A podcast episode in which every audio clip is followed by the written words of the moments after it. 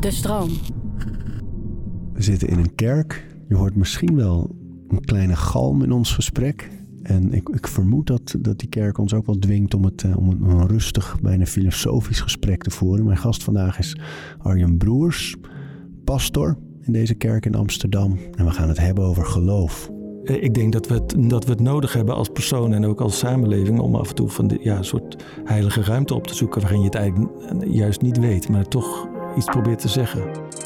Wat is een mens zonder houvast in zijn manier van leven? En ieder heeft een handvat en eigen rituelen. Orde in je hoofd zodat alles te overzien is. We praten over routines. Dus ik heb ooit een keer in deze kerk ook echt eh schuttingtaal gebruikt.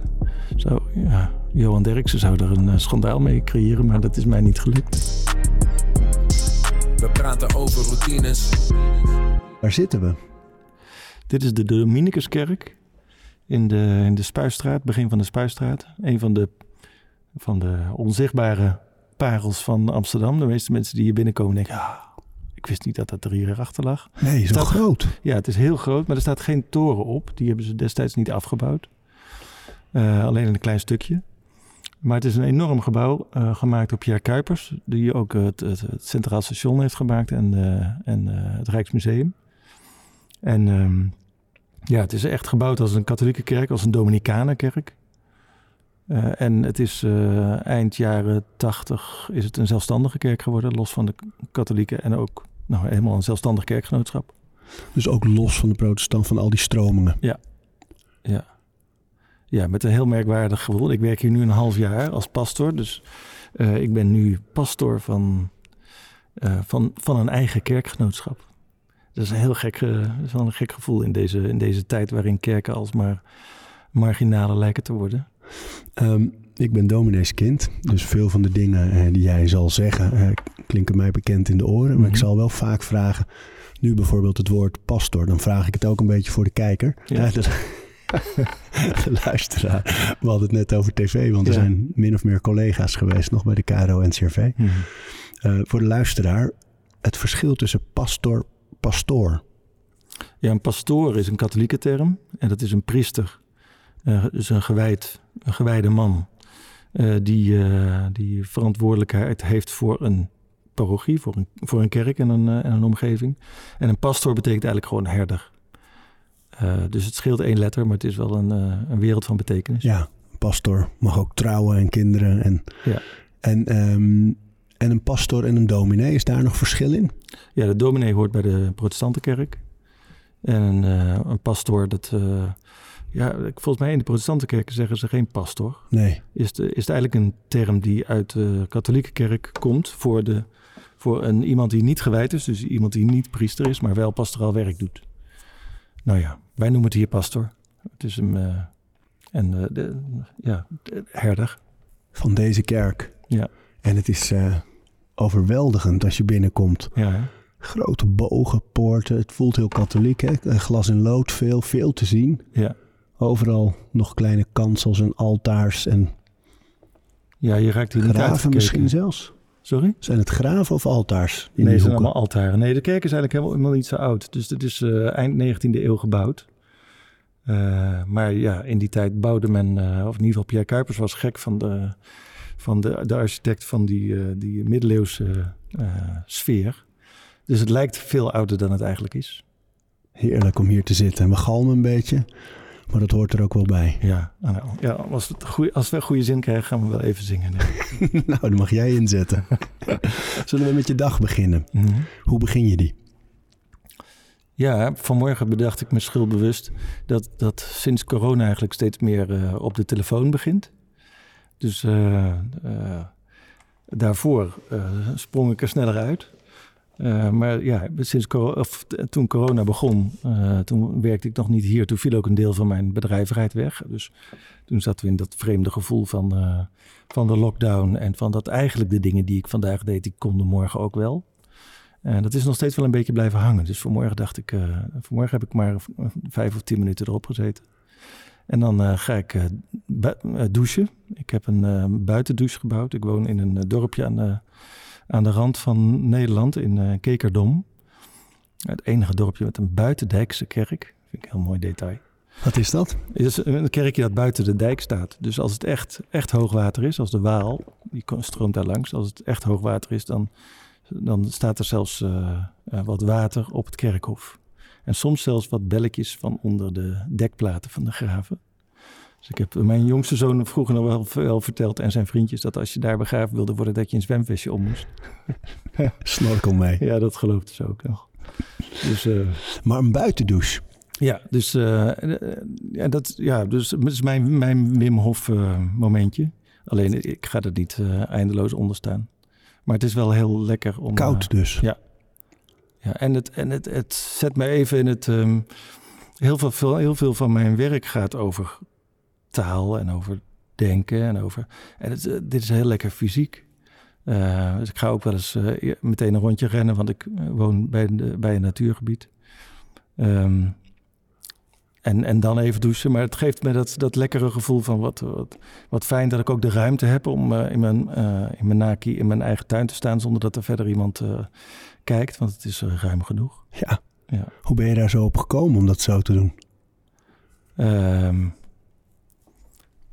geen idee eigenlijk. Ik denk een of ander primitief verlangen naar, naar het, het genieten van de ruimte die je hebt. En van, uh, ik, ik heb jarenlang in de stad gewoond en ben, ben op een gegeven moment daar gaan wonen. En dan dat gevoel hebben van die ruimte. En er zit ook een klein saunaatje in de tuin en zo. Dus dat zijn dan, ja, dat is mijn, dat is mijn eigen lusthof. Ja, man. Ja. Je gaat onder die koude douche dan heb je meestal al even op de telefoon. Uh, wat zijn de dingen die je op de telefoon bekijkt? In ben je met het nieuws bezig dan? Ja, het gaat vooral over nieuws. En als ik geen zin heb in nieuws, dan, dan uh, ga ik onbenullige dingen kijken. Uh, van, die, van die gekke filmpjes op Instagram of zo. Of van die dingen waar, waar mijn jongste zoon ook veel te veel naar kijkt. En dan vliegt de tijd, hè? Ja, heel gek. Ja. Koude douche, buiten, bloot, heerlijk, vrij. Ja. Bidden. Bidden. Ja, dus ik, uh, een paar jaar geleden merkte ik dat, ik het, dat ik daar behoefte aan had om mezelf eigenlijk neer te zetten in de dag. En, uh, en toen ging ik dat, probeerde ik dat veel te serieus aan te pakken door te gaan denken van ik moet, ik moet natuurlijk eerst gaan mediteren of ik moet uh, eigenlijk een, een, een, gebedenboek hebben of zo. En op een gegeven moment dacht ik ik moet gewoon een, ik moet gewoon een eigen tekst maken die me helpt om de dag goed te beginnen, om mezelf neer te zetten. Dus dat heb ik gedaan. En het liefst, dat is eigenlijk het lekkerste om dat buiten te doen. Dus om dan uh, mezelf echt uh, neer, neer te zetten in de dag. En, en, kun je me meenemen naar dat, dat ritueel? Hoe, hoe gaat dat in zijn werk? Um, ja, eigenlijk is het helemaal niet zo. De, een, een, toeschouwer zal gewoon een meneer zien die daar even stilstaat in zijn korte broek. Um, en, en de vogeltjes in de tuin die zien mij dan hooguit als ik in mijn blootje daar, daar sta. En dan, dan probeer ik de zinnen die ik, uh, die ik gemaakt heb uh, zo aandachtig mogelijk te noemen. En te voelen wat er in, me, wat er in mij resoneert. Dus het zijn, het zijn zinnen die me, die me ook terug helpen brengen naar momenten van inzicht of momenten van, van ontwikkeling. Is het elke dag dezelfde tekst? Ja. Wat heel riskant is, want op een gegeven moment is het dan gewoon een... Mantra. Een, ja, een, een, dingetje. Maar ik, ik heb niks tegen, uh, tegen gebeden die je gewoon afraffelt. Ik bedoel, uh, ik, vroeger zat ik ook aan de, aan de tafel bij mijn ouders thuis... en dan baden we het Onze Vader en ondertussen keek ik uh, welke gehaktbal het grootste was. Want die kon je dan meteen daarna pakken. Maar weet je, ik, zo en leuk ben toch pastoor geworden. het Onze Vader net als het zingen van het Wilhelmus, het, het, het, gezamenlijke eraan. Dus dat je, ik vind het nog steeds als ik in een kerk ben en het, onze vader wordt ingezet door een dominee of een andere voorganger, man, vrouw. Um, die eerste zin en dan dat die hele uh, zaal zo aanhaakt bij dat gebed. En allemaal ook in hetzelfde ritme. Mm -hmm. Als kind vond ik het dan leuk om een ander ritme te kiezen. Dus niet uh, onze vader in de hemelen zijt, uw naam worden geheiligd, uw koninkrijk komen, uw wil geschieden. Maar onze vader die in de hemelen zijt, uw naam worden. En dat ging ik er een beetje mee spelen, zo met mm. dat ritme. Maar ik, ik, vind dat nog steeds een heel mooi moment, dat Ja. gezamenlijke. Dus ik, ik, ik zie er zeker ook waarde in dat juist een gebed hetzelfde is. En zoals de moslims dat ook hebben, die, eh, die vaste gebeden. En in Mm. heel veel stromingen en religies is dat natuurlijk zo. Ja. Wil je, je de tekst delen ook? Of is dat juist iets wat je niet deelt? Nee, nee hoor, dat kan wel. Maar, om, om het gewoon maar te, te zeggen? Ja, als je dat zou willen. Nou ja. Maar nu zitten we ook nog in een kerk, dus dan klinkt het nog wat, uh, uh, nog wat ernstiger. Um, uh, dan moet ik natuurlijk geen toelichting geven erbij. Nee, dat mag straks. daarna. Oké. Ja. Nou, dat gaat, het gaat zo. Eeuwige, wordende, levende God, Vader, Zoon en Geest, Moeder, Dochter, Geliefde. Hier ben ik. In jouw licht wil ik staan. Ik dank je dat ik mag bestaan precies zoals ik ben. Leer mij dat dat genoeg is. Herinner me aan mijn geboorterecht dat ik ja mag zeggen, altijd en overal, zelfs tegen nee. Omarm met je liefde mijn geploeter, dooradem met je humor mijn gepeins. Geef me de moed en de zachtheid om eerlijk te zijn. Hou me in je ruimte, zet me op mijn plek en gebruik me in naam van Jezus de Christus, die jouw zoon en onze broeder en mijn leraar werd. Er zit daar veel in. Hm. Op de een of andere manier ontroerend, terwijl ik niet weet. Maar ja, hoe komt dat, denk je? Uh, ik denk omdat het waar is. um, nou ja, het raakt mij ook. Dus ik, dit is iets wat ik. Nu doe ik het met jou. Ik heb het één keer met iemand gedaan die ik begeleid. En die op zoek was naar. Uh, die verlangen had om te bidden. En toen raakten we daarover aan de praten. En toen heb ik het samen gedaan. Maar verder heb ik dit. Doe ik dit voor mezelf. En nu zit jij erbij. En uh, Steven uh, zit erbij. En, en de luisteraar. die zit erbij. Dus dat is wel een beetje. Het is wel een intiem moment. Ja. ja. Bidden is wel intiem eigenlijk. Um, maar die tekst, daar zit natuurlijk zoveel in. Je zei net al, dat, dat helpt me herinneren aan bepaalde inzichten in mijn mm. leven. En je gebruikt ook heel veel tegenstellingen. De moed en de zachtheid hoor je. Ja. Het is een, het is een, een gedicht. Ja. Ja, een soort van. Nou ja, ik ben ook een verhalenverteller hè, en een verhalenliefhebber. Uh, als je pastor bent en prediker, dan uh, moet je het allebei zijn. De, en, de, en de goede verhalen die leven van contrasten. Maar um, het zijn wel, dat zijn wel van die inzichten. Hè? Dus uh, de moed en de zachtheid om eerlijk te zijn. Dat is de, de ervaring van dat je als jong mens dan wil je jezelf neerzetten en dan moet je krachtig zijn en zo. En op een gegeven moment merk je van ja, maar er zit nog iets tussen tussen jezelf met heel veel kracht poneren en een slappe lul zijn. Uh, daar, zit, daar, daar, zit nog iets tussen. Je kunt, je kunt met krachten aanwezig zijn zonder hard te zijn. Nou, dat is een um, voornemen. Waar zit hem dat in? Um, met jezelf niet groter en niet kleiner te maken dan je bent, denk ik. En dat is wel dat is een van de leuke opgaven van het leven en ook van ouder worden. Dus dat je ik heb het gevoel dat ik, uh, dat ik in mijn jongere jaren veel eerder dacht van wauw, ik ben echt geweldig. En de dag daarna, oh, ik stel echt helemaal niks voor. en, uh, en nu denk ik, ja, nu golf ik daar een beetje heen en weer, maar ik neem het niet meer zo serieus. En uh, ik, een tijd geleden was ik op bezoek bij een, iemand die bij ons in de gemeenschap zit, die 96 is en ontzettende vitaliteit heeft. En, en ik raakte met haar daarover in gesprek. En toen zei ze, dat vond ik zo uh, uh, inzichtrijk. Zei ze, ja, weet je, dat heb ik altijd gehad. Ik voel me heel speciaal en helemaal niet belangrijk. En toen dacht ik, ja, als je die twee bij elkaar kunt houden, dan, uh, dan, dan zorgt dat voor vitaliteit. Maar er zit bijvoorbeeld ook de zin in, um, hou me in jouw ruimte, zet me op mijn plek. En dat herinnert me aan een moment uh, toen was ik met een, groep vrienden, toen ging ik wel eens met vliegtuig, met een groep vrienden en een leraar uh, op Samos. En ik was echt aan het nadenken over wat, waar gaat mijn leven nou over en, wat, waar hoor ik nou eigenlijk thuis? En, en op een ochtend was ik, was ik heel, de laatste ochtend was ik heel vroeg wakker geworden. En was ik op een rots gaan zitten met uitzicht op de zee.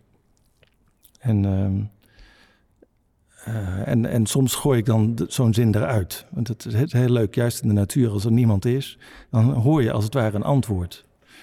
Ehm, dus, en dat was in dit geval van, er kwam dat in me op van hou me in jouw ruimte. Hè? Ehm, en toen dacht ik, ja, maar die ruimte, als God er is, dan is die ruimte, en is alle ruimte is Gods ruimte. Dus ik kan niet, ik kan eigenlijk niet in, ik kan niet, niet in die ruimte zijn. Uh, en dat heeft als gevolg dat als dat als echt zo is, dan ben ik dus altijd op mijn plek waar ik ben. Maar ik vind het ook wel fijn om, dat, om dan die uitnodiging erbij te doen van zet me op mijn plek. Er zat ook een, een, ehm, een tekst in die tekst over, um, nou ja, eh, hij, zij, dochter, moeder, geliefde. Mhm. Al die dingen kwamen voorbij. Gaat dat over God? Uh, ja, ik ben wel heel erg van de, van de, van de God als drie-eenheid. Um, in mijn theologieopleiding vroeger was dat eigenlijk een beetje van ja, dat, uh, dat, dat kun je niet goed uitleggen of dat is heel ingewikkeld. Terwijl volgens mij is dat helemaal niet ingewikkeld. Um, maar ik vind het wel fijn om daar dan. Uh, om, om dat niet helemaal op te hangen aan vader, zoon en geest. Omdat dat, zo, omdat dat met name dat vader en zoon zo verschrikkelijk masculien is. Um, en, ja, ik vind de manier waarop, uh, waarop vrouwen tot tweederangs burgers zijn gemaakt, ook in de kerk, vind ik erg problematisch. Dus vandaar dat ik er ook moeder, dochter, geliefde bij heb gezet. Um, en en ik begin met eeuwige en wordende en levende. Maar uiteindelijk zijn het allemaal, allemaal woorden. Maar als ik, uh, als ik het. Ik ervaar het leven zo dat, we, dat wij uh, ons bewegen in een ruimte. En die ruimte is de voorwaarde voor ons uh, bestaan. En dat zou je God kunnen noemen. En alles wat er in die ruimte is, aan materie, aan mensen, aan, leven, aan levende wezens. Dat zou je eh, Christus kunnen noemen. Uh, schepping. En dat wat, uh, wat er tussen ons heen en weer gaat, wat aan, aan energie en aan inspiratie en aan, en aan dat zou je geest kunnen noemen. Nou, dus dat is, dat is, dat is het recept van hoe ik probeer op een religieuze manier naar de, naar de werkelijkheid te kijken. En het godsbeeld is dan dus niet een kracht in een ander, uh, boven ons, of een, of een persoon zelfs? Mm, er zijn wel momenten waarop, ik, waarop, het, waarop, die, waarop dat veel persoonlijker is. Uh, ik krijg ook altijd kriebels van als, eh, als, als God alleen maar wordt beschreven met hele etherische termen alleen maar licht of zo. Of ruimte. Dat is waarschijnlijk ook waar. Maar ik wil ook eigenlijk. Ik vind het juist zo leuk aan die, aan die traditie van, van het Joodse en het christelijke geloof. Dat, er, dat God ook een tegenover is. Die, met wie je, tegen wie je kunt klagen en boos kunt worden en dankbaar kunt zijn. En, uh, en die ook een appel doet op jou. Die ook, die ook verlangt naar jou. Dat vind, ik, dat, vind ik zo, dat vind ik daar heel aantrekkelijk aan. Hoe merk je dat? Uh, in het dagelijks leven? Nou, dat het. Dat, uh, wat zijn de momenten dat je je echt levend voelt? Dat je je echt. Uh, dat, dat, heeft altijd te maken met, uh, met verbondenheid. Met wie je zelf bent, met, met, je, met je omgeving, met anderen. En je zei over het gebed dat je zelf uitspreekt, zo in de natuur. Ik, ik wil op die manier mezelf in de dag zetten. Ja. Hoe werkt dat? Nou, als ik dat niet doe, dan, dan, ben ik wel zo, dan kan ik wel zo'n gemakzuchtig wezen worden die, de, die uh, de halve dag op zijn telefoon zit. En gewoon vermaakt wil worden en, uh, en zit te verlangen naar het moment dat hij uh, chips en borrelnootjes kan, kan pakken. Want dat is dan de ruimte van creëren, nadenken over wat je wil gaan zeggen tegen anderen. Iets dat er ook wezenlijk toe doet. Ja, van, ja en de ruimte van spiritualiteit. En van ehm, en van, van waar, waartoe ben je er? Of, um, een heel praktisch voorbeeld. Ik, ik, had een tijdje geleden een gesprek met iemand en die zocht contact. Want ze zei, ja, uh, mijn geliefde gaat dood. En ik weet niet waar ik het zoeken moet. En we raakten aan de praat en ze zei, ja, we waren uh, in het ziekenhuis en we kregen een slecht nieuwsgesprek. En toen kregen we een lijst met hulpverleners. En, eh, en haar geliefde die werd kwaad. Ze van ja, ik, ik ga dood. Ik heb geen psycholoog nodig, ik ga dood. en toen ontstond er tussen ons een gesprek over hun liefde. En over eh, hoe de verhouding tussen zorg en onafhankelijkheid bij hun altijd was geweest. En hoe die nu aan het veranderen was. En over dat ze misschien wel nu juist in die laatste fase van hun liefde in de hogeschool van de liefde terechtkomen. Hè? Zo van, dan moet je dus echt helemaal voor elkaar zijn en elkaar tegelijk loslaten. Nou, dat is uh, misschien wel het moeilijkste wat er is. En, en ze wist meteen dat het daarover ging. Meteen. Dus er is iets in ons, dat vind ik zo fascinerend. Er is iets in ons dat denkt: ah, dit is echt. Ja, wat is dat? Weet je, ik begin net dat gebed te doen en dan merk ik: hé, hey, uh, gaat iets trillen nu. En je, je pikt het op. Daar zit waarde in. Hè? Ja. ja. maar, en je zegt dat is iets, die ruimte nemen we niet meer in. Niet zoveel. Ik vind dat we dat in onze cultuur echt aan het uh, verwaarlozen zijn. Zijn we daar bang voor? Um, misschien. We zijn het ook ontwend. Het is, het is allemaal uitbesteed geweest aan de kerken. En die hebben het uh, erg uh, liturgisch ingepakt. En helemaal verbannen naar de zondag. En, en naar bepaalde vormen en naar een bepaalde taal maar niet, niet goed toegankelijk gemaakt voor, uh, voor het dagelijks leven. Ik vraag me dat vaak af, omdat de, de behoefte lijkt zo groot aan gemeenschap. Hè? Dus de, de manier waarop mensen evenementen, clubs, uh, concerten bezoeken, uh, het fijn vinden, dat, wat je eigenlijk net beschreef, dat ergens bij horen, ergens mm -hmm. naartoe gaan waar mensen dat ook mooi en fijn vinden. die behoefte is heel groot. En juist omdat alles in ons leven op shuffle staat en die individualisering zo is doorgeschoten, lijkt er nog meer behoefte aan het zoeken naar gelijkgestemden. Hey, we begrijpen elkaar. Hey, we vinden dezelfde dingen belangrijk of mooi of leuk. Ja. Um, dus je zou denken dat er juist heel veel spiritualiteit is. Maar op de een of andere manier blijft het in die... oké, okay, we vinden dit een fijn gevoel... maar er wordt niet nagedacht over wat daar dan onder of achter zit. Hè? Mm -hmm. Ja, ja, en ik denk zelf dat het, dat het een levensnoodzakelijk is. Want uh, bedoel, we, alle, we worden echt met grote problemen geconfronteerd in deze tijd. En dat zijn allemaal collectieve problemen. Dus uh, dat, nou ja, als je alleen al naar het klimaatprobleem kijkt, dan, dan kun je het niet meer redden met uh, verbeter de wereld, begin bij jezelf. Het zijn echt dingen die we samen moeten oppakken en die iets te maken hebben met hoe wij leven. En niet of, of de regering voldoende doet. Of, maar hoe, je dat, hoe we dat moeten doen, dat vind, dat vind ik wel heel griezelig. Deze aflevering van Overroutines wordt aangeboden door Squarespace. Een alles-in-één platform waar je je eigen website kunt bouwen en beheren. Het maakt niet uit of je producten, diensten of je passie met de wereld wil delen. Het kan allemaal bij Squarespace. Ik noem even kort drie handige functies van het platform. Met het ontwerpsysteem kan je makkelijk je website vormgeven en het helemaal eigen maken. Squarespace analyseert hoe je website presteert en wat er voor nodig is om je bedrijf online verder te laten groeien. En ook kan je abonnementen en exclusieve content aanbieden aan betalende leden. Start nu je gratis proefperiode via squarespace.com/overroutines. En ben je klaar om je website echt te lanceren? Gebruik dan de code overroutines. Dan krijg je 10% korting op je eerste aankoop van een website of domein. We hadden laatst een andere Arjan in de podcast. Postma. En uh, daar, toen hadden we het hier over, over het klimaat en dat toch ook de, het doemdenken dat daar nu bij hoort. En toen zei hij, ja, ja, je kan erover doemdenken, maar voor pessimisme is het te laat, zei hij. Dat vond ik zo'n mooie uitspraak, omdat het je zo aanzet tot een vorm van activisme. Van oké, okay, ja, je kan nu met de handen in het haar gaan denken... oh jongens, er komt een kernoorlog. Of oh jongens, uh, de wereld warmt op. Of oh jongens, nou ja, noem het allemaal maar op. We zijn met te veel. Mm. Maar ja, wat doe je eraan? Hoe, wat betekent het in jouw leven? Mm. Dat is eigenlijk die vraag, nodig daar zo toe uit. Ja. Maar waar komt spiritualiteit in dat vraagstuk om de hoek kijken? Nou, voor, voor mij heeft het iets te maken met, uh, met proberen te verstaan wat het verlangen is van, uh, van een ziel. Of van, van onze zielen. Hè? Dus, um, en wat is de ziel?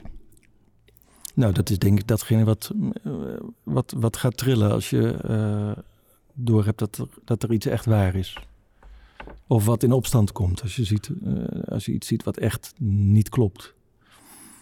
Um, Ik zit, ik, zit aan twee dingen te denken. Het eerste is uh, uh, dat ik het heel belangrijk vind en, en ook heel voedend vind om, uh, om op de een of andere manier te blijven proeven van de, van de traditie waar onze cultuur uitkomt. en om dan te merken dat ik niet alles zelf hoef te verzinnen, omdat er al over nagedacht is. Um, het mooiste voorbeeld vind ik nog, maar dan gaan we naar een andere, een andere afslag. Maar jaren geleden las ik, zat ik zelf was ik zoekende en op weg naar de 50. En toen las ik eh, bij eh, Johannes Tauler, een Dominicaan uit de 14e eeuw. Um, tussen je 40ste en je 50ste brengt God je in benauwenis op dat je naar nieuwe adem snakt. En toen dacht ik, oh wat heerlijk, weet je wel. Dus ik, dit, is, dit hoort er gewoon bij. dit is niet mijn individuele probleem. Dit is, en er wordt misschien ook wel iets nieuws aangeboden. En wat zou dat dan zijn? Wat was de benauwenis? Um, nou, de benauwenis was uh, uh, een relatie die, die mislukte. En, en, en, en de vraag van oké, waar gaat mijn leven nou echt over? ik, kan, ik, ik, ik kan me bedruipen, ik kan mijn geld verdienen met dingen die ik leuk vind. Maar is dat nu nog steeds genoeg? en welke, wat, waar wil ik me nou echt aan toewijden? Dus waar we vaak een beetje in paniek raken als het moeilijk wordt in het leven, of als we het even niet weten, of zoekende zijn mhm. van wat is nou mijn plek in deze wereld en waar wil ik eigenlijk heen en ben ik blij met waar ik sta of hoe het gaat. Die vragen die iedereen op een moment wel heeft in het leven, dat dat uh, eigenlijk bijna een soort eh, kruispunt is dat voor je wordt gelegd. Van, Maar er is dus ook, een, dus ook een pad. Ja. Mijn stelling is altijd, het eh, staat daar ergens op de muur. Uh, als domineeszoon ken je dat citaat natuurlijk uh, uit de, de, het roepingsverhaal van Mozes. De grond waarop je staat is heilige grond. En dat klinkt heel vroom, alleen Mozes zat op dat moment in de woestijn, was een gevluchte moordenaar en uh, zat op de, de, de, schapen te passen van zijn, van zijn schoonvader. Dat was, ja. Wat, wat, ja, wat was daar nou heilige grond aan? En ik, ik vind dat zinnetje zo instructief, omdat... Um, wij worden opgeleid en we, we kijken steeds naar de, de werkelijkheid als problemen. En, en wij moeten dan analyseren wat het probleem is en dit moeten we oplossen en dan gaat het goed.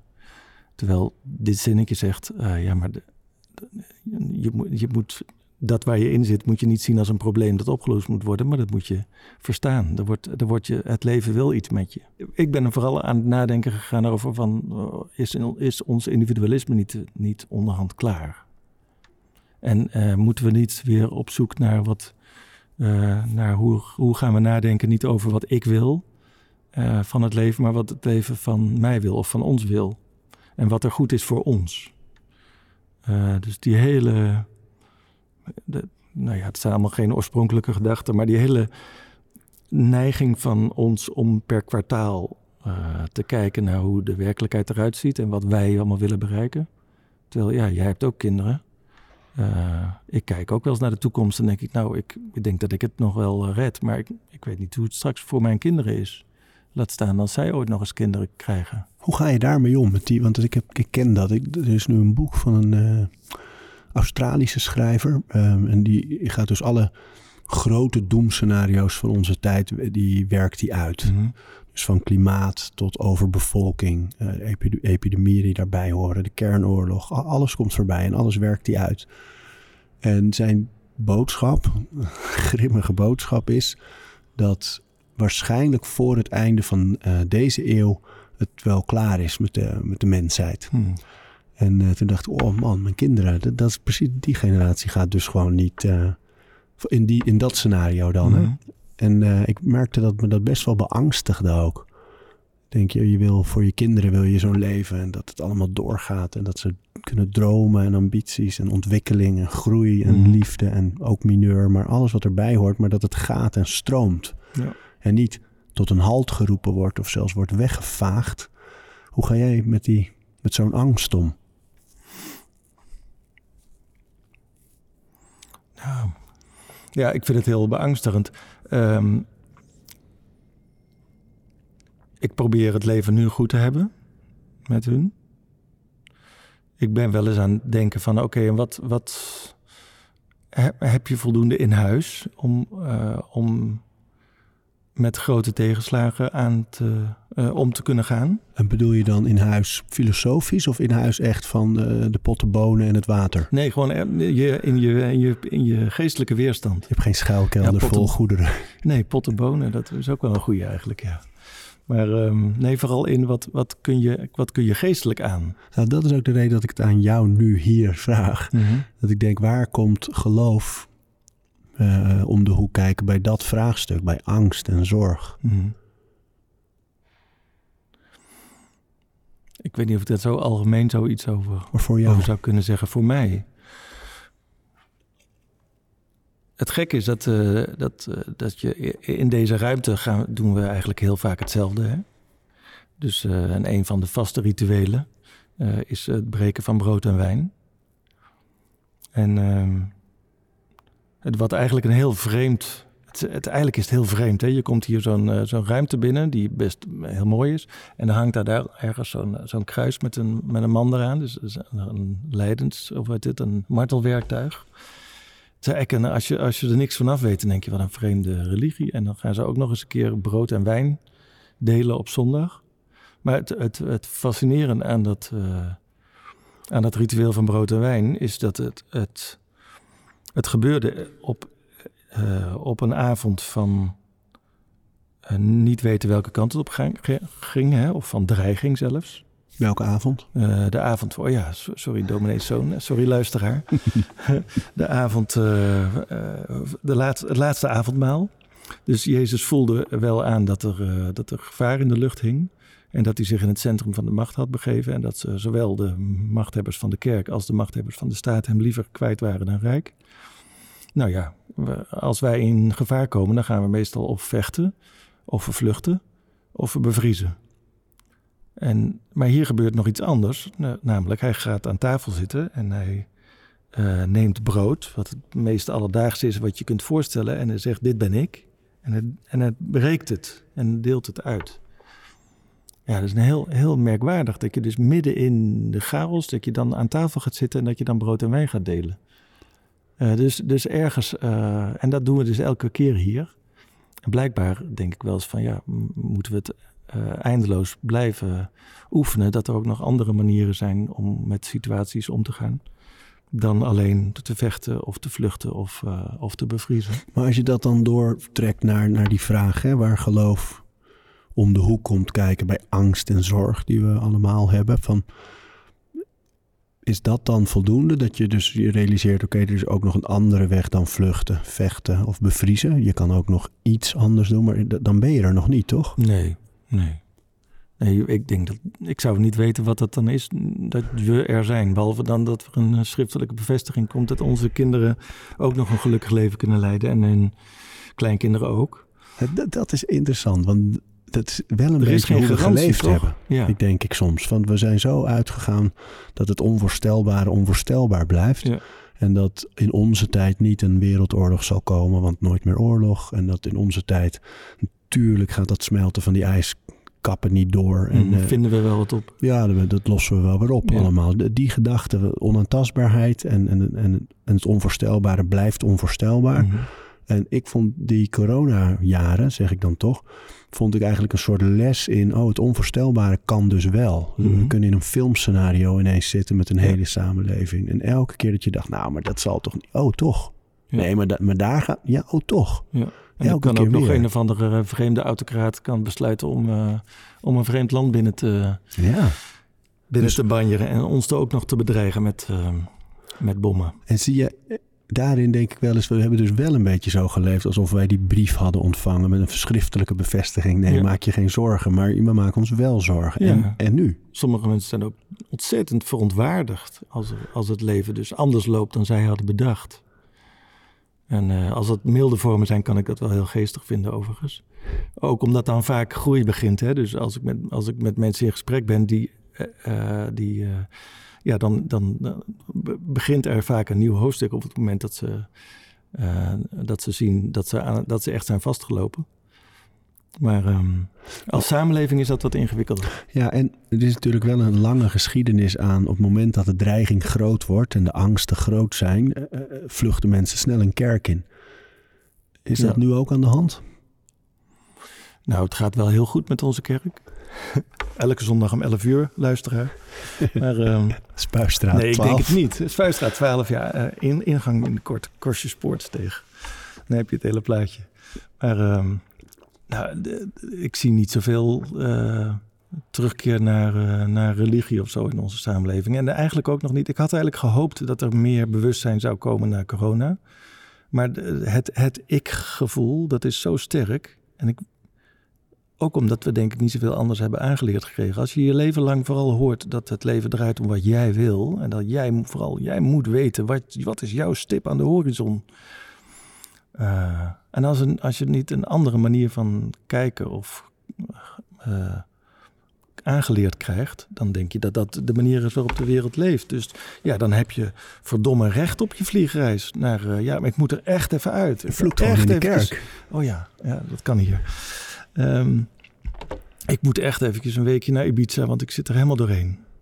Ja, ja, en ondertussen blijven we dus lekker doorvliegen. Ja. Nou goed, ik denk dat een van de, dingen is eh, dat we ons collectief zouden kunnen richten op eh, waar onze echte rijkdom in zit. Maar dan gaat het heel snel als een preek klinken hoor, maar ik ga hem toch maar doen. Eh, kijk, als, als ehm, daar is, al- een, is al een boek van volgens mij van 20 jaar geleden of zo. De, de, de Five Regrets of the Dying. Een Australische onderzoekster, geloof ik. Die, die um, um, een boek heeft geschreven over. eh, omdat ze veel mensen begeleiden die doodging. En ook dan over wat ze het meest betreuren. En eh, wat mensen die sterven het meest betreuren, dat zijn eh, de dingen. Ze zijn volgens mij in- inmiddels gemeengoed geworden. Dat je niet voldoende aandacht hebt besteed aan je vrienden en aan je familie. Dat je verzuimd hebt om echt eh, het, het leven te delen en te vieren op het moment dat het, dat het goed was. Dat je, nou ja, zo hè. Er zijn nooit eh, eh, mensen die aan het sterven zijn, die zeggen nooit: Oh, ik heb er zo spijt van dat ik niet elke twee jaar een nieuwe auto heb gekocht. En iedereen voelt dat aan, dat dat waar is. Nou ja, maar waarom, waarom stoppen we dan toch verschrikkelijk veel van onze tijd en energie in? Eh, ja, in de dingen waarvan we nu eigenlijk al weten dat we aan het eind van het leven dat niet beschouwen als onze grootste rijkdom. Nou, wat denk je?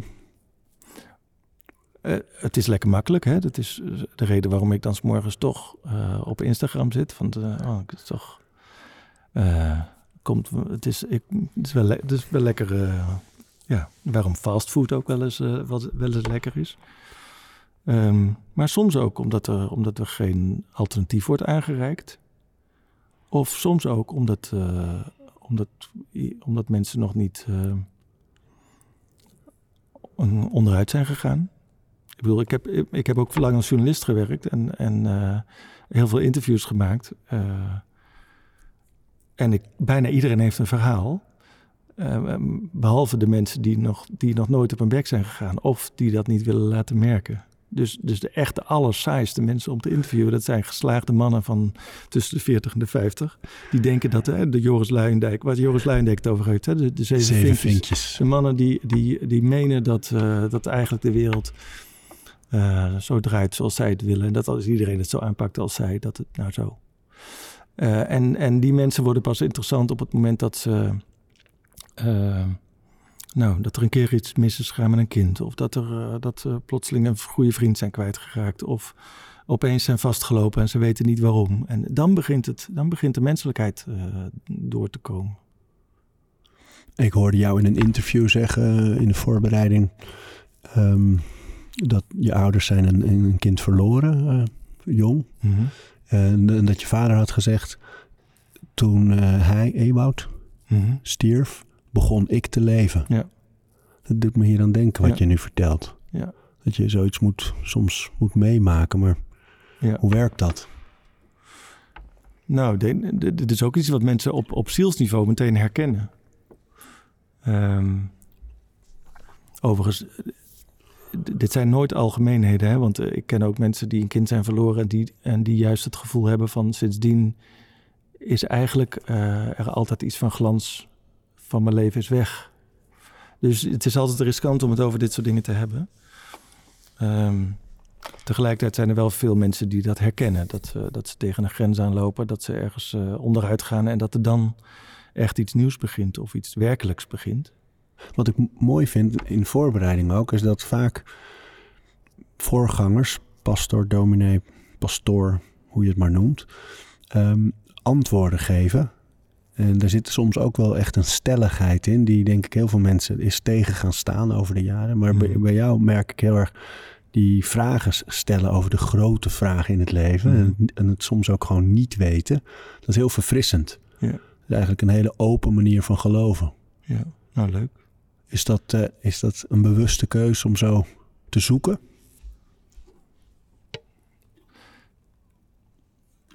Ja, zo werkt zoeken, denk ik.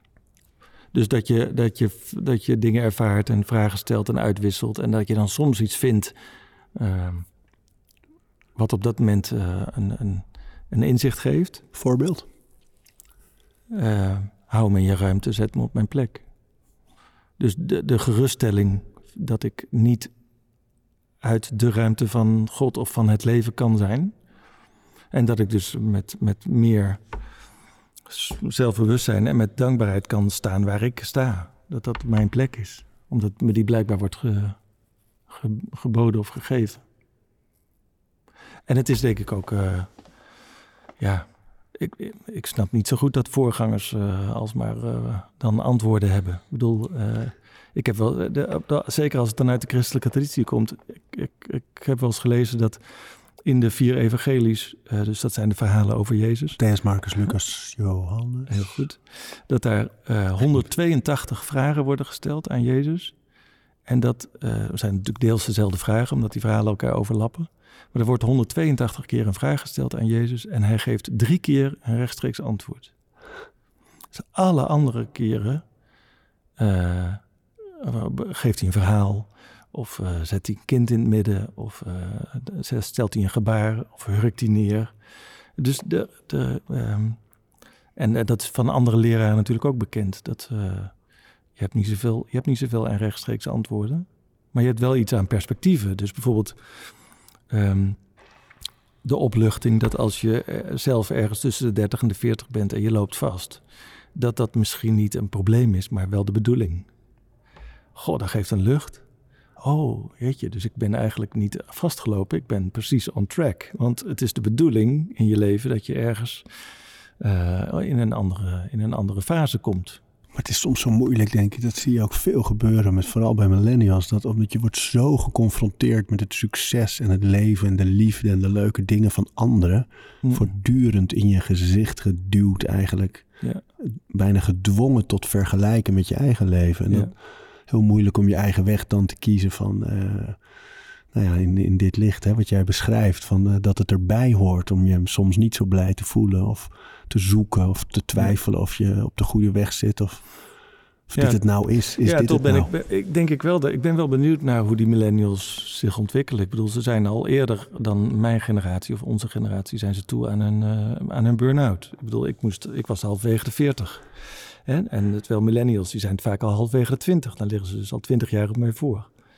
Eh, en ik zie ook dat eh, de, de, de ontwikkeling die onze generatie heeft gemaakt eh, in, in de emotionele vragen ten opzichte van onze ouders, die opgegroeid waren na de oorlog, in, tijden van doorpakken en jezelf niet laten kennen en weet ik wat allemaal. Ik heb daar een, een ontwikkeling in doorgemaakt. Ik zie dat mijn kinderen, eh, dat die al veel makkelijker eigenlijk eh, emotionele dingen verstaan dan ik destijds. Ja, ik was mooi, echt veel onnozelig. Ja. Dus, dus de, eh, het, zal, het, zal wel, het zal wel ergens zijn plek vinden, denk ik. Ik vind het nog steeds wel eens moeilijk. Ik, heb, ik denk dat ik heel makkelijk over andermans emoties wel kan praten en luisteren. Maar ik merk zelf ook wel hoor, dat ik soms, als er echt iets dichtbij gebeurt in het gezin, ehm, dat ik ook wel een beetje even dicht kan slaan. Dat ik Hmm. even naar binnen ga in plaats van eh, naar buiten. Hm. Dus wel ook een generatie, geeft ook wel rust. Ja, maar, dat het en- een generatie is. maar je kunt er wel zelf bij zijn, toch? Ja, En, Ja. en bid je daar dan ook wel eens over? Ja, ja. En mijn gebeden zijn eigenlijk. ehm, ik zie God niet als wonderlamp, wat God ook is. Ehm, niet als wonderland, dus ik vraag nooit om uh, bijvoorbeeld dat iemand beter wordt uh, als er ziekte is. Of, of, nooit voor een, ik bid nooit om een oplossing, maar ik bid wel om wijsheid en ik bid om rust en inzicht. Dat zijn eigenlijk mijn vragen. Ik, ik zie eigenlijk mijn gesprek met, met wat God dan ook is, zie ik heel erg op die manier. Dat ik de dingen waar ik zelf heel erg mee zit, waar ik me zorgen om maak, ook waar ik heel blij om ben trouwens, die leg ik voor. Hmm. En uh, dat, alleen al die exercitie vind ik waardevol. Dus ik merk met name de laatste jaren, terwijl ik eigenlijk, ik kom uit een, uh, een opvoeding van uh, één keer in de twee weken, twee keer naar de kerk, sowieso elke zondag, thuis bij elk, elke maaltijd bidden, Bijbel lezen.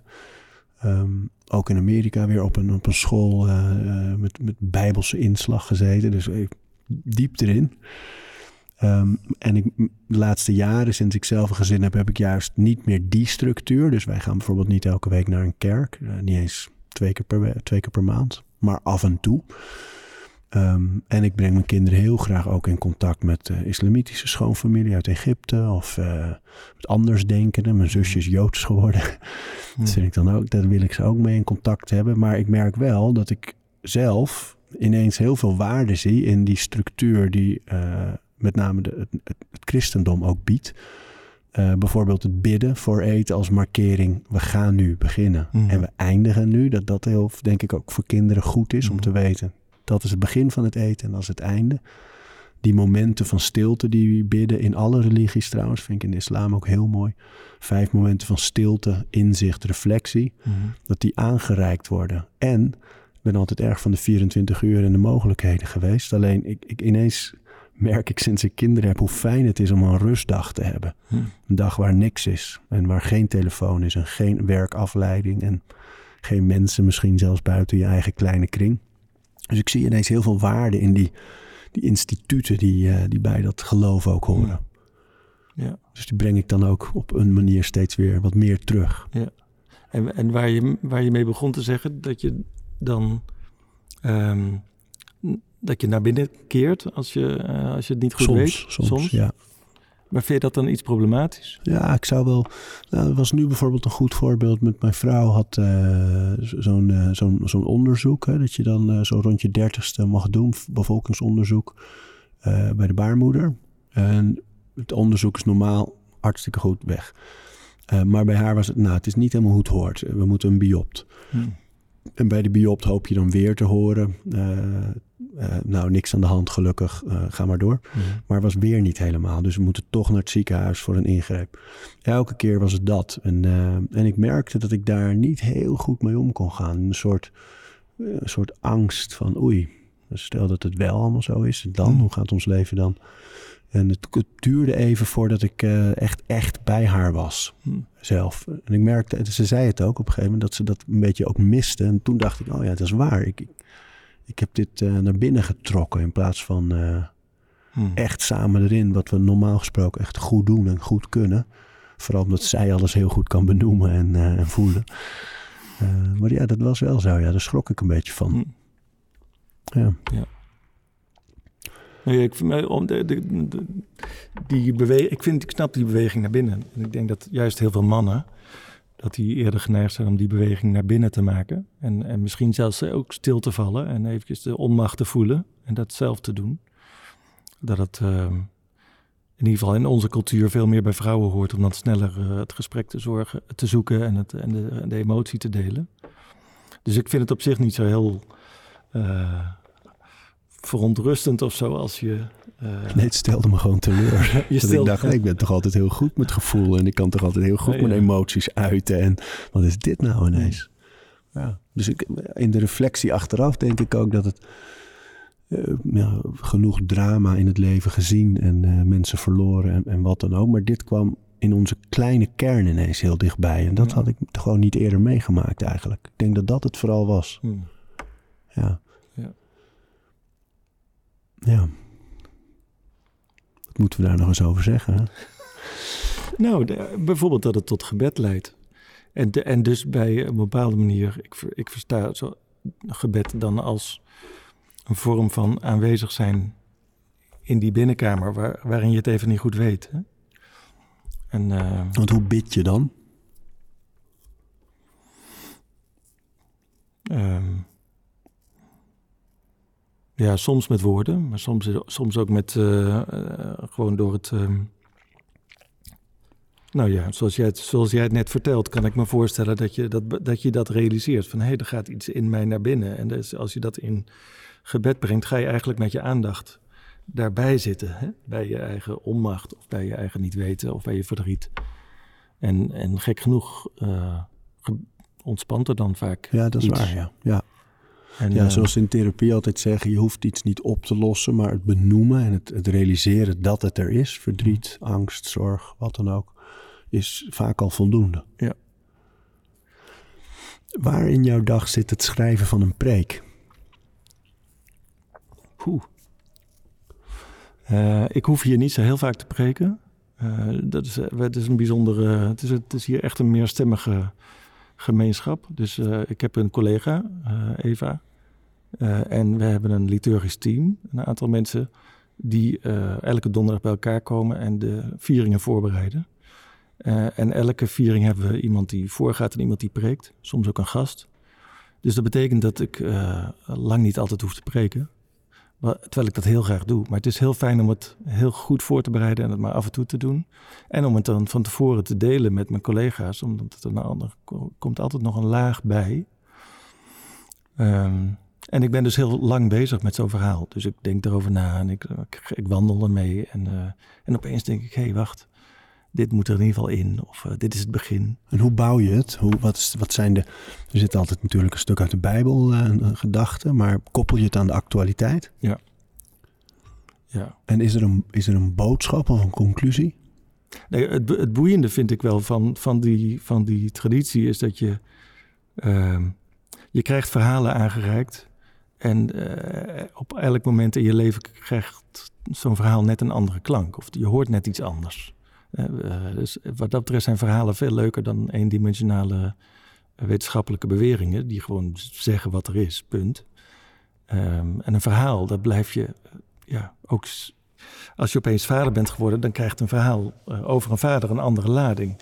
En als je net iemand kwijt bent, dan, krijgt, dan krijgt een verhaal over verlies krijgt ook weer een andere lading. Uh, en dat is heel leuk om dat in te brengen. En om dat in je, ook in het, preken te brengen. Ik vind het ook heel leuk om uh, mensen te laten lachen. Um, of om ze te choqueren. Dus ik heb ooit een keer in deze kerk ook echt uh, schuttingtaal gebruikt. Zo, ja. Johan Derksen zou er een schandaal mee creëren, maar dat is mij niet gelukt. Maar dat, dat, ik vind het ook heel leuk om theatraal ermee te spelen. Het is een, een preek is een hele bijzondere vorm. Omdat... Um, omdat je heen en weer golft tussen, tussen, tussen, tussen oude teksten en, en het leven van mensen nu. En omdat je uiteindelijk ook mensen wilt uh, stichten. Hè? Je wilt mensen met iets naar huis sturen en, en, je wil ze niet één boodschap meegeven. Het is zelfs het allerleukste, dat heb ik ooit eens gehad, dat ik een preek had gehouden en dat er en nadien komen de mensen nog even, dan drinken we koffie en dan komen de mensen nog even langs. En dat er zowel mensen met tranen in de ogen kwamen als mensen met enorme glimmerlichtjes. En het was precies hetzelfde verhaal. Gewoon omdat ze op, ze zaten allemaal op hun eigen, ze waren op hun eigen ding geraakt. Mooi is dat, hè? Ja. ja van verhalen, van boeken natuurlijk. Ja. Ook. Ja. ja, heel bijzonder. Hey, en het ademen. Um, want je zei net al dat dat iets heel spiritueels is, maar je zei ook van. Uh, er komt een benauwenis op je pad tussen de 40 en de 50, mm-hmm. of op welk punt van je leven dan ook. Maar uh, daarna is ook weer die adem. Wat, wat, betekent die adem voor jou? Wat is, vul je dat ook praktisch in met ademhaling bijvoorbeeld, oefeningen? Um, nou, soms, maar dat is meer als ik uh, gewoon de als ik benauwenis in mijn, in mijn lijf voel. Wat doe je dan? Uh, ja, bewust ademen. uh, in, die, in die tijd van die benauwenis heb ik uh, toen ik was. Ehm, ik was toen zo overspannen dat ik ook wel eens. En zo, zo enorm druk met mijn gedachten. dat ik soms ook bijna vergat te ademen. Dus ik kan me dat nog steeds herinneren. Het moment dat ik aan het rijden was en dat ik dacht: oké, je moet wel ademen. En ik, en ik kan dat nog steeds wel eens, die plek kan ik dan wel voelen. Als het heel druk is of als ik heel gespannen ben, dan denk ik, oh ja, ja vergeet te ademen. En dan doe je het ter plekke? Ja. En ook als ik mensen ga begeleiden en ik merk dat ik zenuwachtig ben, word van tevoren, dan denk ik, oh, dan maak ik mijn rol te groot. En uh, dan hoef ik alleen maar, dan ga ik, en dan ga ik zitten ademen. en uh, ja, dan, dan weet ik weer dat ik niet zo heel veel hoef. En zeker niet dat ik uh, antwoorden moet geven. En is er een techniek die je dan hanteert? Nee. Het is gewoon stilstaan bij het feit dat je ademt Ja. eigenlijk. Ja, en kijken of het lukt om eventjes geen gedachten te produceren. Eh, Maar daar doe je niets voor. Het is niet dat je dan je ademhaling telt bijvoorbeeld. nee. Nee. En wat me, wat me wel helpt is, eh, is om, om dan... mm, als je een drukke geest hebt, dan gaat dat alsmaar door. Dus ik heb dat zelfs wel eens in de nacht, dat dat zo eh, doorgaat. En wat ik merk dat, heeft, dat dat wel eens werkt, is als ik dan eh, heel nieuwsgierig ga staan te kijken, als, alsof ik bij, eh, bij een muizengat sta, te loeren als een kat, van eens kijken of er weer een gedachte uitkomt. En dan komen ze vaak niet meer even. En dat is heel prettig. En dan ontstaat er ook ruimte en dan ehm, en, eh, en ademen. Grappig. Ja, dat, dat doe ik ook als ik wandel vaak. Dan eh, laat ik de eerste gedachte opkomen. En daar, eh, de, die realiseer ik me dan. Of daar mijmer ik even over. En dan denk ik, oké, die heb ik nu gehad. En dat spreek ik dan ook echt uit. Soms zelfs hardop. Mhm. Maar in ieder geval in mijn hoofd. Kom maar met de volgende.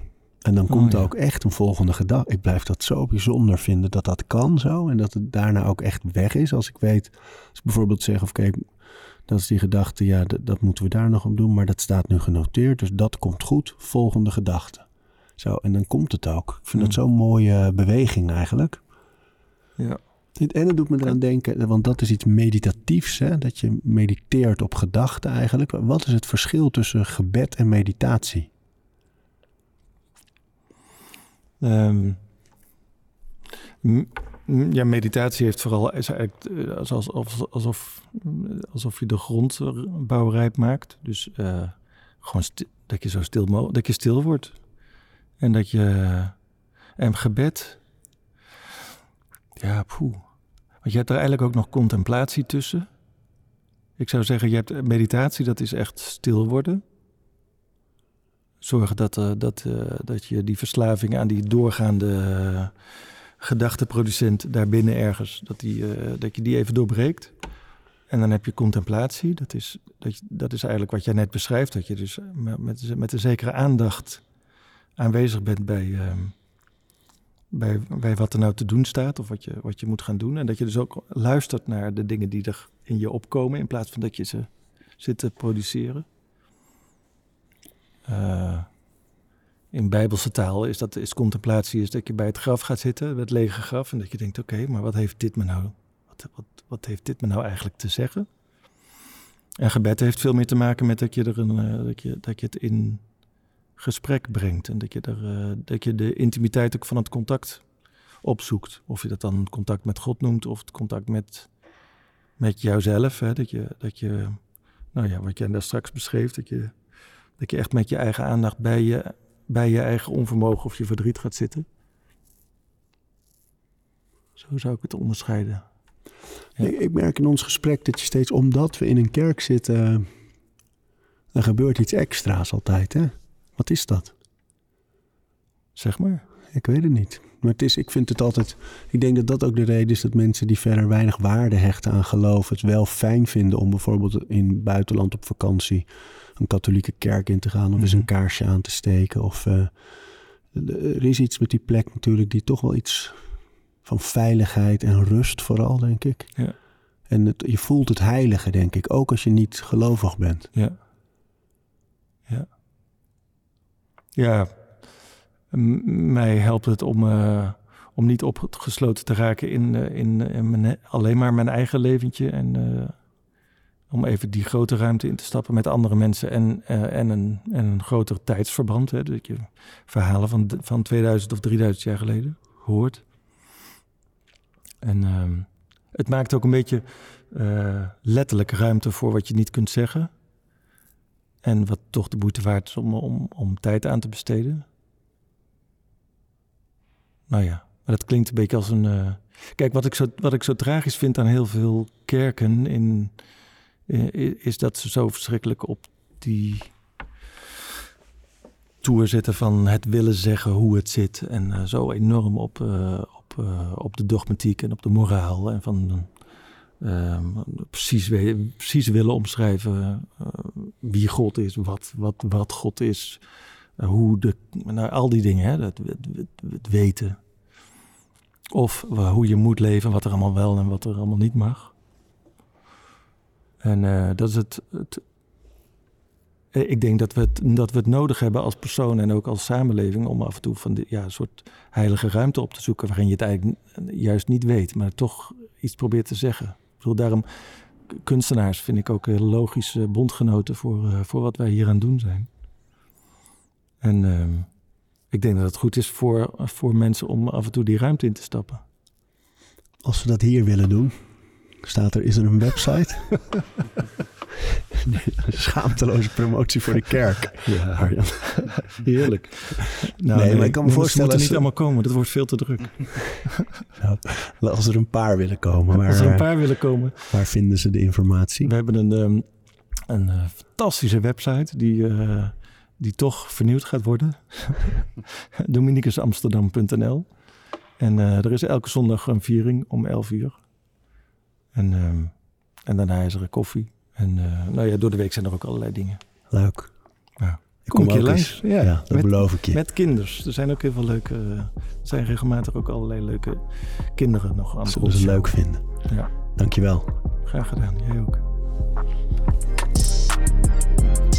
We praten over routines.